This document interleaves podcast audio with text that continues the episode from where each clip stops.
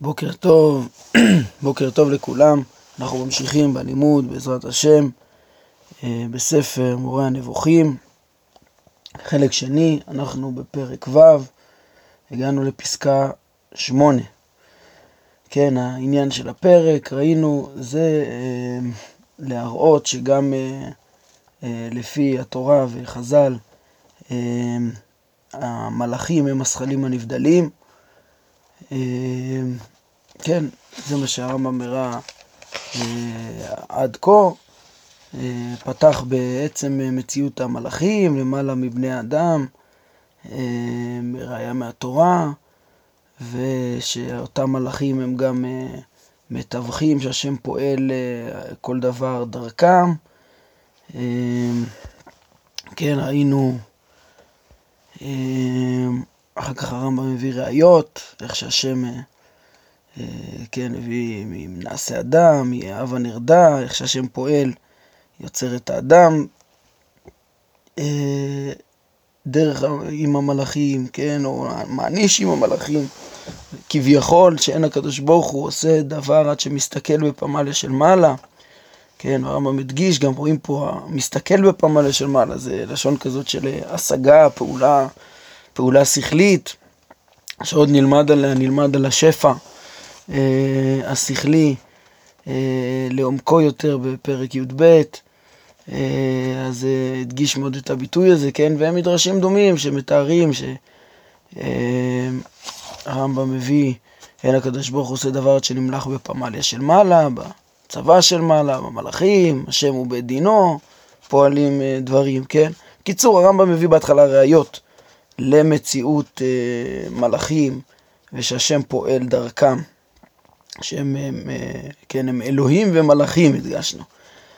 ואז הוא ניגש, אה, זה ראינו לפני פעמיים, בפעם שעברה ראינו את הוויכוח של, הרמב"ם אומר שזה דעה של בורות, ש, ש, כן, הוויכוח על מהות המלאכים, כן, אחרי שמבינים שיש מלאכים והשם פועל דרכם, אז רמב"ם מתמודד עם אה, גישה ילדותית, פשטנית, שמציירת את המלאכים בדמויות אה, אה, כאילו פיליות, לא קיימות, כאילו לא קיימות, לא במציאות המוכרת, ונצמדות לפשטי המדרשים, ומחפשים דווקא משהו פלאי.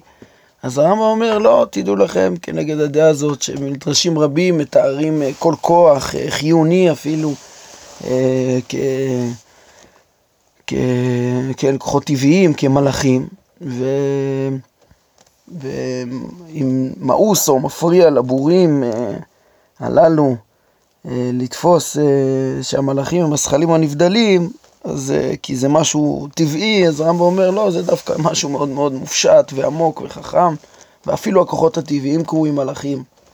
ואמרנו גם שכן, יש פה השלמה של המבנה, שהשם אה, פועל בצורה עקיפה דרך כוחות הטבע. אה, כן, אז ככה ראינו הרבה דוגמאות לזה. אה, בפסקה 7, אז השלמנו את פסקה 7, כן? אולי אני ארחיב ככה בהקשר הזה עוד אה, שתי נקודות קטנות.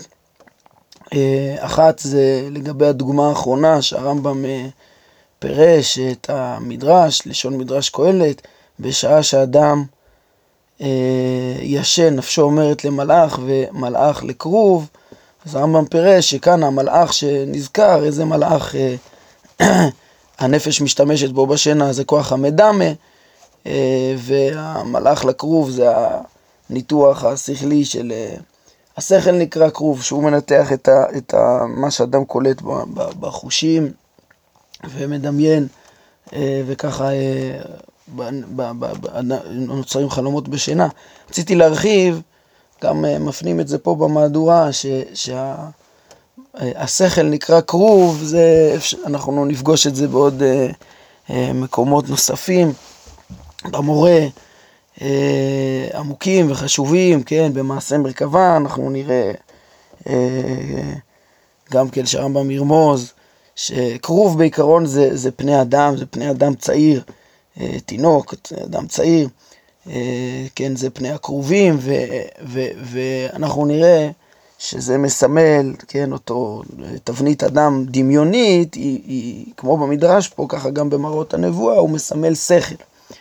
כן, הרמב"ם בטעמי מצוות ילמד שהטעם לעשיית הכרובים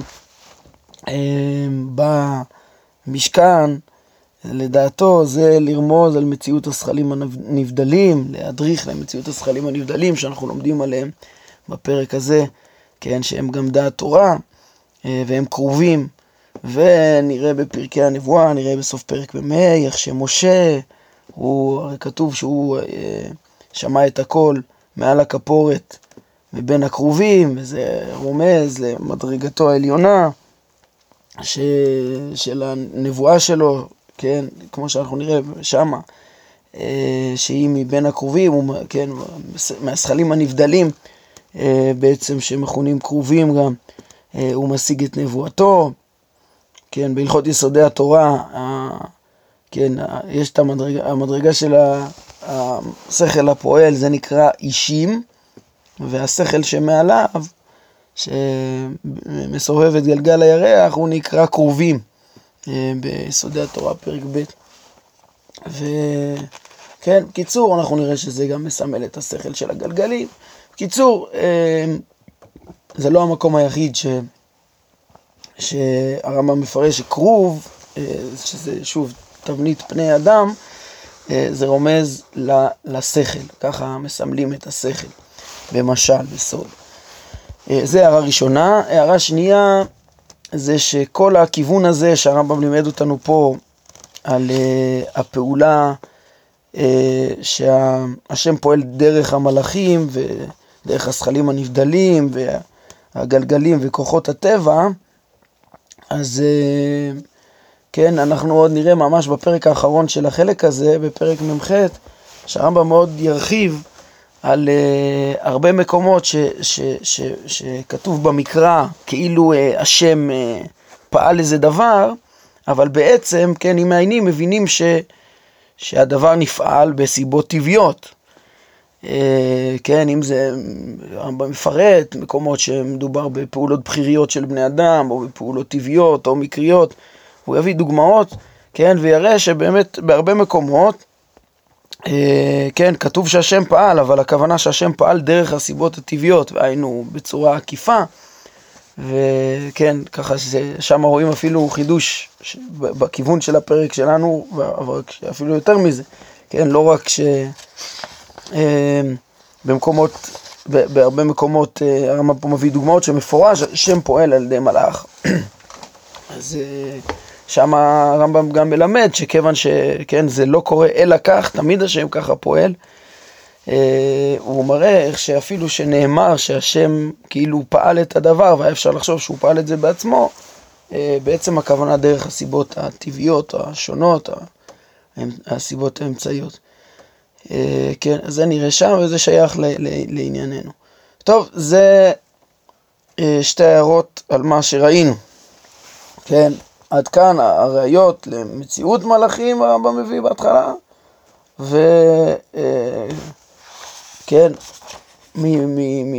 ואחר כך הפעולה של השם דרכם, דרך הזכלים הנבדלים, כן, בפסקה חמש, אה, עד פסקה חמש, כן, ואחר כך הפעם שעברה ראינו את הוויכוח על אה, מהות המלאכים, לתפוס אותם בצורה מופשטת כזכלים נבדלים.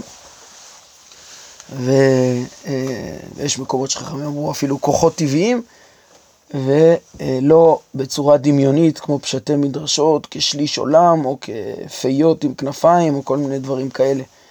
אה, עוד הערה אה, שעכשיו אני, אני, נזכרתי ששמתי לב אה, בעניין הזה, זה שקצת התפלאתי פה על פסקה 7 במהדורה שלנו, שהם הם רואים בפסקה הזאת ממש כאילו רצף אחד עם הדוגמאות שהובאו בפסקה 5. בפסקה 5 הם מביאים, מביאים ארבע דוגמאות שהרמב"ם אה, מוכיח בהם, אה, כן, דוגמאות א' עד ד', שהמלאכים הם זכלים נבדלים שהשם אה, פועל באמצעותם, ו... ולפסקה שבע הם, הם קוראים לזה כאילו זה המשך מקורות חכמים וממספרים עוד ארבע דוגמאות, אה, ה' עד אה, ח'. כאילו זה רצף אחד, ואם מעיינים אז שמים לב שלא, הארבע דוגמאות הראשונות הם הובאו כראיות לזכלים הנבדלים, כן, למלאכים כזכלים נבדלים, ו, ו, ו, ופה הדוגמאות שמופיעות בשבע זה בתוך הוויכוח עם הבורים אה, ש, שמפרשים את אותם מלאכים עליונים אה, דווקא בצורה פלאית. אז אה, פה בכלל ארבע דוגמאות האלה הם לא אומרים שמלאכים הם זכנים נבדלים, אלא הם מביאים דוגמאות שכוחות הטבע נקראים, נקראים מלאכים. אז זה לא רצף אחד, כן? זה שלב נוסף של פה, פה מדובר על ראיות, כמו שאמרתי, שם לזכלים נבדלים, פה, שם מלאכים כזכלים נבדלים, כאן אה, כוח, אה, כוחות טבע שנקראים מלאכים, וזה חלק מהוויכוח על, על, על זה שאפשר ל, ל, לפרש את המושג מלאך לא כפלאי, אלא כ, כמשהו מציאותי, טבעי. אז לכן נפלאתי שהם אה, החשיבו את זה אה, כאילו המשך הדיון. אה, כן. בסדר, אבל זה, אה, כן, זה מצטרף, אני חושב שזה גם קשור למה שהערתי בסוף הפעם שעברה, ש, שמי הם הבורים שמאוס להם, אה, כן, שהרמב"ם מתייחס אליהם בסוף פסקה 7, שאני מבין שזה אותם בורים של פסקה 6, היינו שקשה להם עם הפירוש של הרמב"ם, שמפרש את המלאך וכרוב אה, בצורה טבעית כזאת, ריאלית, שזה כוח מדמה וכוח שכלי. כי הם רוצים דברים מופלאים. טוב, עד כאן אה, ככה הרחבנו בדברים ששייכים עוד לפעם אה, שעברה. בואו נתקדם, גם אה, סיום הפרק יש בו עוד הרבה. כן, השלב האחרון הרמב"ם אומר ככה, פסקה שמונה, על כך שכל צורה שהמלאך נראה בה היא במראה הנבואה, כבר דיברנו. כן, היינו, זה מה שהזכרנו, הסברנו פעם שעברה, שהרמב"ם דיבר על זה בפרק א', אה, אה, פרק, חלק א', פרק מ"ט, כן, הוא הראה איך שחכמים מתארים, שהם אה, כל פעם נראים בתמונה אחרת, הם מתהפכים, לאט אחרת ומתהפכת, ומזה הרמב"ם למד שם שאין להם תבנית משל עצמם, הם לא גוף, אלא רק במראה הנבואה. אה, כן, אה, אה, רואים להם תבניות ו, ולכן הן מתהפכות לפי הדמיונות, כן, בכוח המדמה. ומה שהרמב"ם רוצה לסיים פה בפרק שלנו זה, כן, אחרי שהוא טוען שהזכלים, שה, שהמלאכים הם זכלים נבדלים לפי התורה וחז"ל, אז בעצם הוא צריך לתרץ קושייה. אז למה מתואר להם אה, תבניות גופניות? תבניות גופניות זה דבר ששייך רק אה, כן, לגוף, ואם זה שכל נבדל אין לו תבנית גופני, אז הוא, תבנית גופנית, אז הרמב"ם אומר, כן, שליישב את הקושי הזה צריך להבין שכל התיאורים התבניתיים שנאמרים כלפי המלאכים, הם כולם רק במראה הנבואה, היינו בדמיון. ולא במציאות. במציאות אין להם תבנית הגוף, במציאות הם זכלים נבדלים, הם, הם אה, כן, דעות, אה, תודעות מופשטות, בלי, בלי, שלא נקלטים בחושים. ו, וכל התיאורים הם תיאורים איך, כן, של מחזות נבואים, לא של מציאות. כן, הרמב"ם מביא לזה דוגמאות, כן, אה, אתה מוצא נביאים הרואים את המלאכים כאילו הם בני אדם, כן, כמו שנאמר על אברהם, בתחילת פרשת וירא, כן, השם נגלה אליו, לפי הרמב"ם זה מחזה נבואי, וכתוב שם, וישא עיניו. וירא, והנה שלושה אנשים צווים עליו. אז אותם שלושה אנשים, שזה, כן, אה, אה, מלאכים, שנשלחו לבשר לאברהם, אה, כן, על ששרה תלד וכדומה, אז כן, כמו שאמרנו, הרמב"ם, אנחנו נראה בפרק מ"ב, כשהוא ידבר בפרקי הנבואה, אז שם הוא ילמד שהכל אה, זה מחזה נבואי אחד גדול של אברהם, שכן, כן, רואה את המלאכים, ורואה את הכנסת אורחים שלו, ורואה שהם הולכים לסדום, ורואה, אנחנו נדבר על זה, כן, איך שעד אה, סוף אה, התיאור של אה, הפיכת אה, לוט, אברהם ראה את הכל כאילו אה, במראה הנבואה, וכל תפילת אברהם, הכל מראה הנבואה, אה, עד שבסוף, אחר כך התורה חוזרת ומתארת גם את הפיכת סדום במציאות. אה, כן, אז, אז אה, מה שהרמב"ם אומר, על כל פנים, לענייננו, שרואים למשל שאברהם רואה שלושה אנשים, כן, והשלושה אנשים האלה, לפי הרמב"ם, הוא אומר לנו פה, זה בעצם רומז גם כן לאיזושהי השגה שלו, של הזכלים הנבדלים. אז מה שהוא רואה אותם בתבנית אנשים, זה לא במציאות, זה במראה הנבואה. כן, להרחיב, להבין את זה ב... ב אה, כן, איך כל הפרשייה הזאת נכנסת בפשט, איך להבין את זה כמראה הנבואה, אני מקווה שנדבר על זה בעזרת השם סביב אה, פרק אה, מ"ב, ששם הרמב"ם מחדש את הדבר הזה.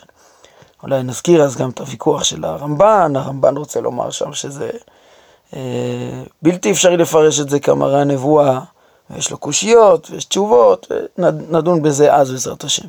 אז זה דוגמה על כל פנים שהנה ראו פה, לפי הרמב"ם, הם זכלים נבדלים מלאכיים בתבנית כאילו של אנשים, אומר הרמב"ם זה לא במציאות, זה במראה הנבואה. כן, והוא מוסיף, ויש מהם, יש מהנביאים, הרואים אותו כאילו הוא אדם נורא ומבהיל. כן, כמו שנאמר במנוח ואשתו, כתוב ותבוא האישה ותאמר לאישה לאמור איש האלוהים בא אליי ומראהו כמראה מלאך האלוהים נורא מאוד. כן, אז גם כאן יש פה בעצם תיאור שהאישה מתארת אה, אה, למנוח, אשת מנוח מתארת לבעלה, אה, שהיא ראתה את, אה, את מלאך השם במראה מסוים, כ- כאדם נורא ומבהיל, כן, אה, בהמשך ברור שהיא אה, מתאר, כן, אה, מהמשך הפסוקים שם ברור שהיא מתכוונת לתאר אה, מלאך האלוהים, הכוונה כאדם, כן, שהוא... לא, היא מתארת, לא שאלתי אותו מאיפה אתה ומה אתה וזה, וכל המחזה שם כאילו מנוח ואשתו חושבים שהם פוגשים איזה נביא אולי, איזה איש אלוהים, ורק בסוף מתברר להם ש, ש, שזה מלאך כשהוא עולה ב... אה, עולה השמיימה ביחד עם אש הקורבן, כן, אה, ואז אז גם המלאך הזה, אז אה, הרמב"ם אומר, כן, והתיאור הזה של ראייה כאדם נוראי, מבהיל, שכמו שהיא מתארת אותו פה, הראייה הזאת כאילו בדמות אדם, שרק בסוף התברר להם שהוא נביא, זה היה לא במציאות, כן? זה גם פרשייה שצריך אה, אה, להעמיק ולפרש אותה. כן, לפי הרמב"ם, הוא אומר פה אבל, זה, הם לא, אותה ראייה ששם בפרשה היא כאילו נשמעת קצת אה, במציאות, כן, הם הולכים לשדה לפגוש אותו, בהתחלה האישה רואה, ואז היא, היא קוראת, היא רואה גם פעם שנייה, מנוח מתפלל להשם, ש... שישלח את מלאכו שוב, אז, אז היא פתאום פוגשת אותו בשדה, אז היא הולכת לקרוא לבעלה, מנוח שיבואו לראות, אז הוא בא ורואה גם, נראה כאילו הם באו למקום בשדה לראות אותו. הרמב"ם אומר לא, תדע לך, מדובר שם בראיית מלאך, אותה, זה בעצם, כל מה שהם ראו זה כמו מחזה נבואי, זה בדמיון, כן, אנחנו גם נראה אה, בפרקי הנבואה, שהרמב"ם יאמר בפירוש שמנוח ואשתו לא היו נביאים, זה גם זה בסוף פרק מ"ב, הוא אומר בפירוש שהם לא היו נביאים ב, ב, במלוא מובן המילה של הנבואה, של השגה של הזכלים הנבדלים והשפע האלוהי במדרגת נבואה, כן, אבל מה שחשוב לענייננו כאן, כן, אלא זה המדרגה פחות מזה, זה, אה, אה, מה שחשוב, זה המדרגה הנמוכה יותר. אבל מה שחשוב לענייננו זה שזה לא היה ראייה מציאותית. זה היה משהו שהם קלטו דרך הדמיון שלהם. כן, והרי זה היה מלאך, התברר שזה מלאך. הרמב"ם אומר כלל שכל פעם שבאמת, אנחנו נראה שם פרק מ"ב, כל, כל תיאור של ראיית מלאך, אין דבר כזה במציאות, כן, בתבנית מסוימת. זה בעצם אה, משהו שבכוח המדמה, אה, הם קלטו אותו, ומה שהוא קורא להם פה נביאים, כן, זה מה ש... כמו שהרמב"ם אה, מלמד, שזה, כן, יש במשמעות הרחבה, בהכללה, גם מדרגות נמוכות של נבואה נקראות נבואה, אנחנו נלמד בפרקי הנבואה שזה לא נבואה גמורה.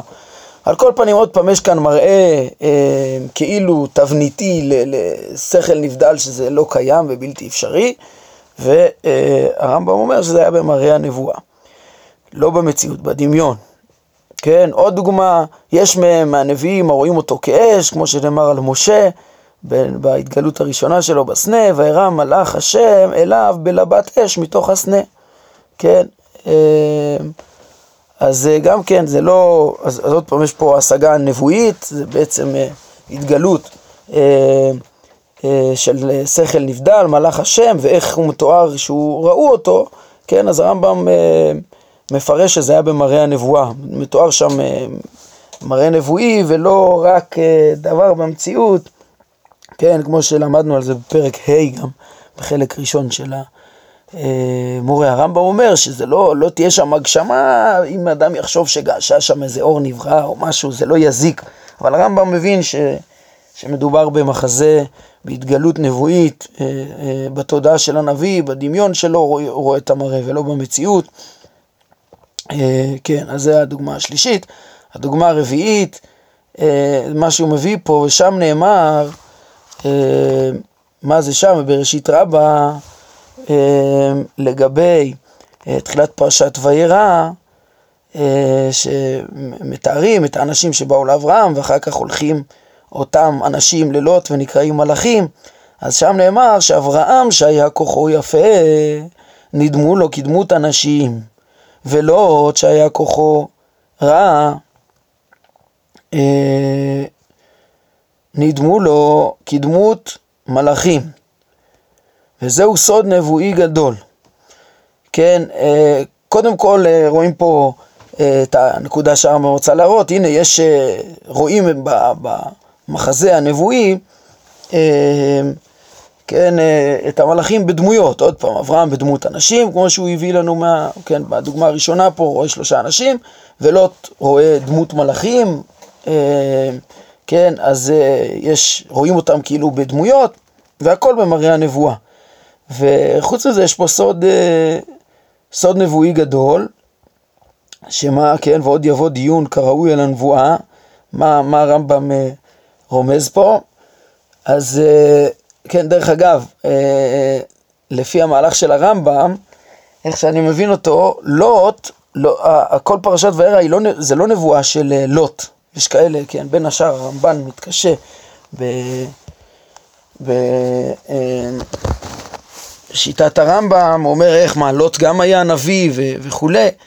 לפי הרמב"ם הכל, כל התיאור, גם של ראיית uh, המלאכים על ידי לוט, זה הכל חלק מהנבואה של אברהם. בכלל לא מדובר על לוט בפרשה.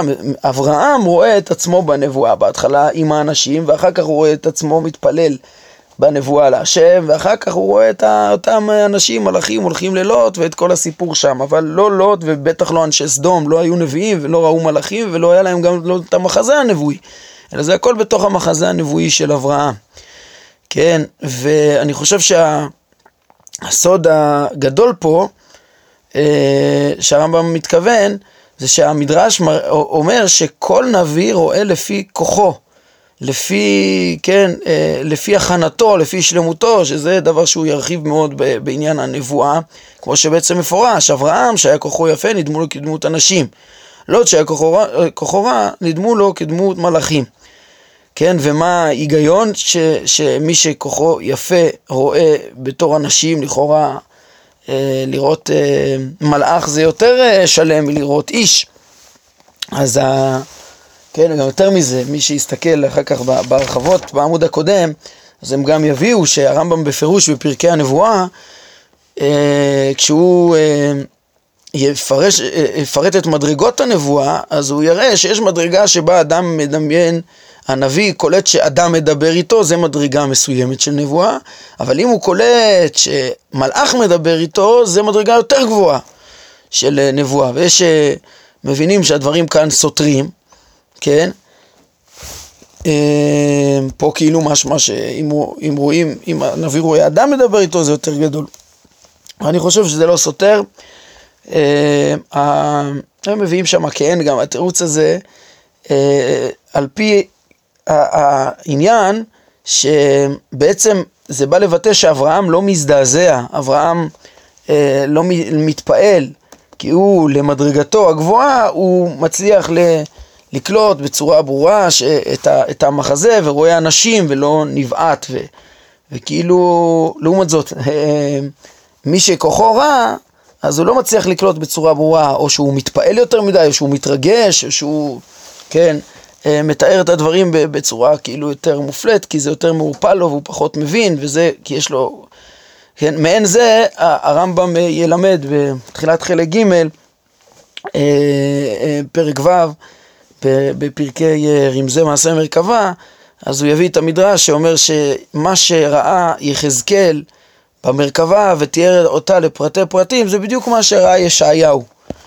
כן, אה, והרמב"ם מסביר שזה, כן, הוא מביא מדרש, שזה כמו, השוו את זה לבן עיר שרואה את המלך לעומת בן אה, כפר. אה, ש, ש, ישעיה היה במדרגה יותר גבוהה ולא התרגש מלראות את, ה, את המלך, כן? לעומת uh, יחזקאל שהיה במדרגה פחותה ו- ו- ו- וכל כך התלהב מזה ולכן פירט את כל הדברים. כן, הוא מביא שם עוד פירוש גם שאולי שניהם, אפשר גם לפרש ששניהם היו במדרגה גבוהה ורק כבן בין uh, העיר הוא יודע, כן, ההבדל בקהל, יש לו שם הסבר שיש הבדל בקהל.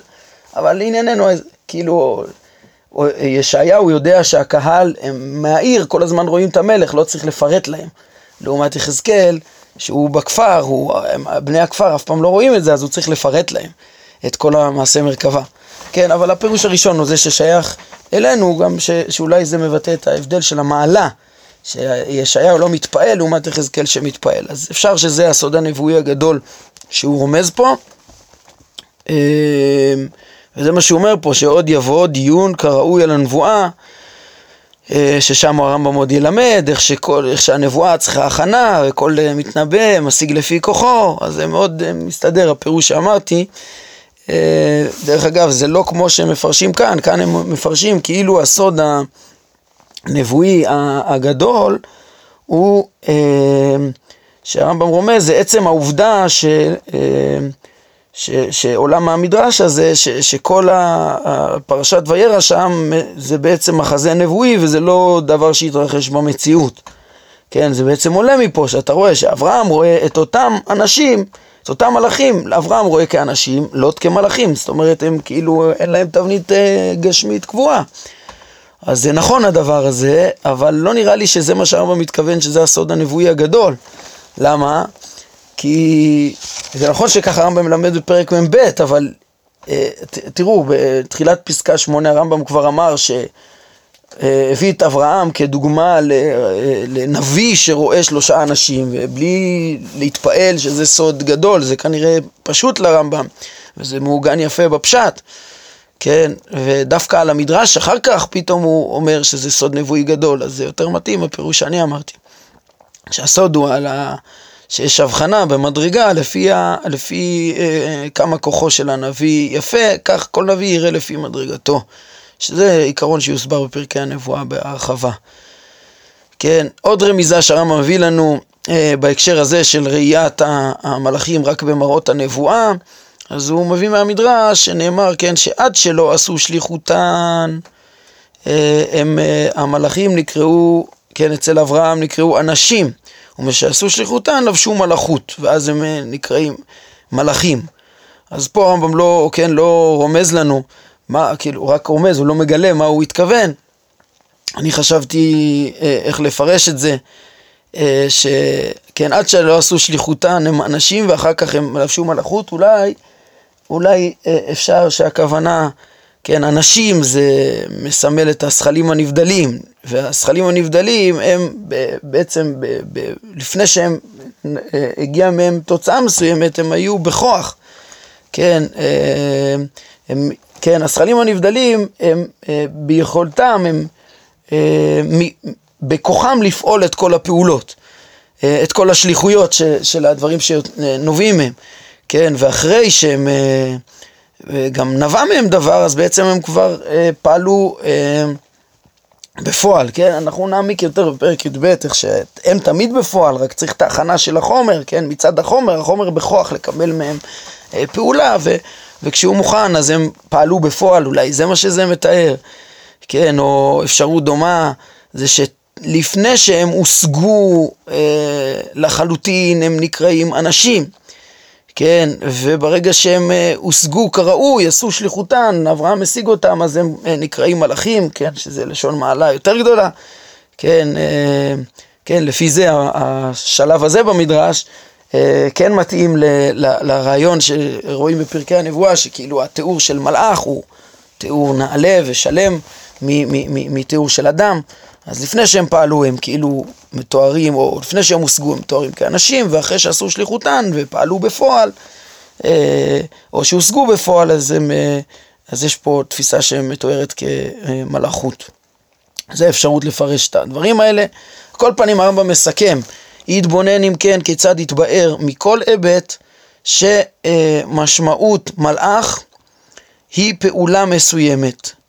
כן, זה שליחות, פעולה מסוימת שהיא יכולה להיעשות על ידי השכל הנבדל, או על ידי כוח טבעי, כן, ושכל מראה מלאך, זה מה שראינו עכשיו, אינו אלא במראה הנבואה, ובהתאם למצב המשיג, כן, זה הסוד הגדול שראינו, אה, לפי, בהתאם למצב המשיג, לפי מדרגתו, אז הוא יקלוט במחזה הנבואי, הדמיוני שלו, את התבנית השונה, אה, אבל הכל זה כן, כל מראה הנבואה זה הכל בדמיון ובנבואה ולא במציאות.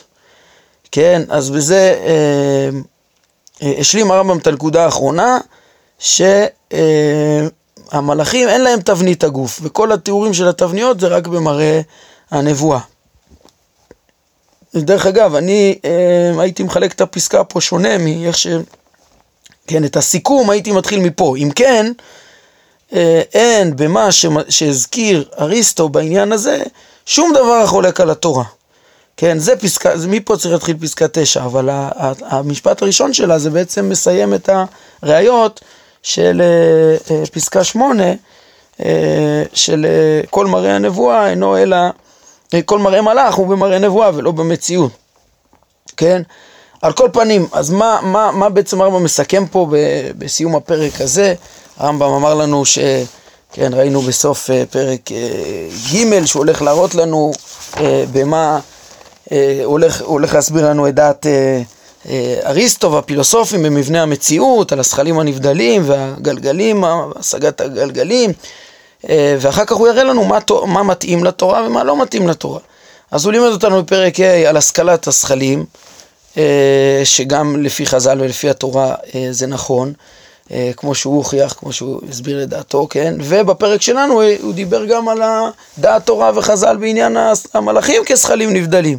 אז בכל זה, בכל, בעצם יוצא בכל מבנה המציאות הכולל, איך שהוא שופע מעם השם, אה, בהשתלשלות, בדירוג הזה, אה, אה, אה, דרך זכלים נבדלים שמכוחם מסתובבים, מכוח השגתם מסתובבים גלגלים ומכוחם שופעים הכוחות וכל המציאות כולה בעצם, שוב, שכלי, גלגלים, השכלת הגלגלים בפרק ה', זכלים נבדלים בפרק ו', כל זה לחלוטין חכמים, התורה וחז"ל אה, סוברת ותופסת את המציאות כמו שתפס אה, אריסטו, אין בזה שום מחלוקת.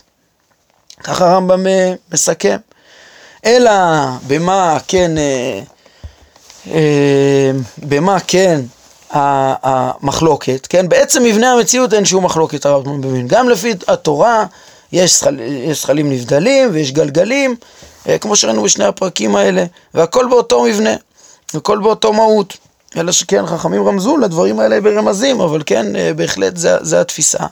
אז במה כן המחלוקת? אומר, אלא מה שהוא חולק עלינו בכל זה, הוא שהוא מאמין שהדברים האלה בעולמנו כולם קדומים. כן, השכלים הנבדלים והגלגלים וכל המציאות כולה הכל קדום, ושהם דברים המתחייבים ממנו יתעלה כך. זה הכל מחויב, תמיד היה כך ותמיד יהיה, ובלתי אפשרי שישתנה, והכל מתחייב, כאילו הבורא לא בוחר בזה, אלא זה אוטומטית נובע ממנו, כן? וזו נקודה מאוד מאוד משמעותית שמשנה את כל התפיסה, כן? אז שהוא סובר שהכל קדום ומחויב, ואילו אנחנו מאמינים שכל זה נברא. כן, יש באמת ככה בנוי הטבע, הרמב"ם מבין, אבל השם ברא את זה, שאל ברא את הזכלים הנבדלים ושם בגלגלים את כוח התשוקה אליהם, לזכלים הנבדלים, והוא שברא את הזכלים ואת הגלגלים, כן, השם הוא זה שברא אותם ושם בהם את הכוח המנהיג הזה, אה, כן, שינהיגו את המציאות על ידי השפעים של הצורות מהם, כן, בזה אנו חולקים עליו. כן, שאנחנו מבינים שהכל נברא, ו- וכמו שהוא אמר, הוא מבין שהכל קדום ומחויב, וכאילו נובע מהשם שלא ברצון ולא ב- ב- בהחלטה ובלי השגחה ובלי ידיעה, כמו שאנחנו נראה.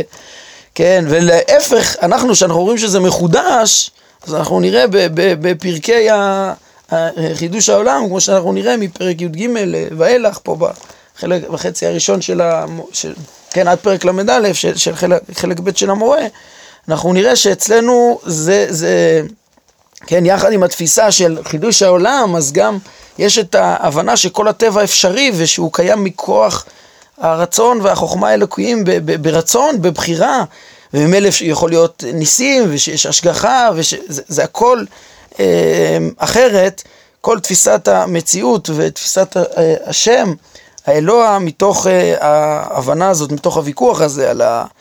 על ה אמונת הבריאה, כן? והרמב"ם אומר בהמשך תשמע את דעתו ואת דעת תורת האמת על חידוש העולם, ששם יש הבדל גדול. אבל מה שהרמב"ם רוצה לומר, כן?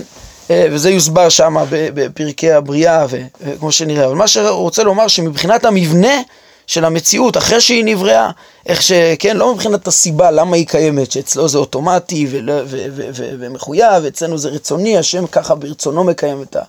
עולם, אבל את מה השם רוצה לקיים ואיך הוא מקיים, אז הוא מקיים טבע שלם, מערכת שלמה של יקום שלם ברצונו, שאיך הוא בנוי, כמו שאריסטו הבין אותו, זה הדבר הקרוב ביותר להבין, והרמב"ם הראה לנו שזה דעת תורה, ועוד אה, נראה ברמיזותיו שממש סתרי התורה תלויים בהכרת המציאות הזאת בצורה עמוקה. זה מעשה בראשית ומעשה מרכבה, קשור, כן, להבנת הזכלים הנבדלים והגלגלים וכל האופן ש... שהעולם נובע מהבורא ומונהג על פי, וכל היחס שמבינים בין הבורא לבריאה, שדרכו יודעים את השם, זה, זה סודות התורה העליונים. אה, לכן בדבר הזה הוא אומר אין שום מחלוקת, אין במה שהזכיר איסטו בעניין הזה שום דבר חולק על התורה, להפך זה מה שיוביל אותנו להבין בצורה עמוקה ונכונה את אה, סתרי התורה וסתרי מעשה בראשית ומעשה מרכבה שהרמב"ם ירמוז עליהם. אה, בהמשך. כן, טוב, אני נזכר שרציתי בסיום הפרק הזה, שהרמב"ם אה, טען שהשכלים הנבדלים, אה, שהמלאכים הם אה, שכלים נבדלים, רציתי גם להתייחס לדעת הרמב"ן בנושא הזה, שקצת מקבל את דברי הרמב"ם, אבל גם קצת מתווכח איתו. הוא גם אומר שהמלאכים הם שכלים נבדלים, אבל יש להם קצת ויכוח אם כן אפשר לראות אותם גם בעולם, אם יש להם לבוש גשמי. אני רק רואה שאנחנו בסוף הזמן, אז אה, אולי נדבר על זה בפעם הבאה. אה, כן, או שממש נגיד את זה בקצרה. טוב, נשאיר את זה, אני רואה שאנחנו ממש חורגים מהזמן, זה ייקח יותר מדקה. ובעזרת השם בפעם הבאה אני מקווה לפתוח בנקודה הזאת של אה, השוואה לדעת הרמב"ן שהיא דומה מבחינה מסוימת, הוא מקבל אה, אה, דברים מהרמב"ם פה אבל לא לגמרי, יש בחינות שזה גם מאוד שונה. אז נתייחס, כן, לפרט הזה של השכלים הנבדלים בפעם הבאה בעזרת השם, כן, להשוואה בין דעת הרמב"ם לרמב"ן ואחר כך נתקדם בעזרת השם. טוב, נעמוד כאן להיום, ברוך אדוני לעולם, אמן ואמן.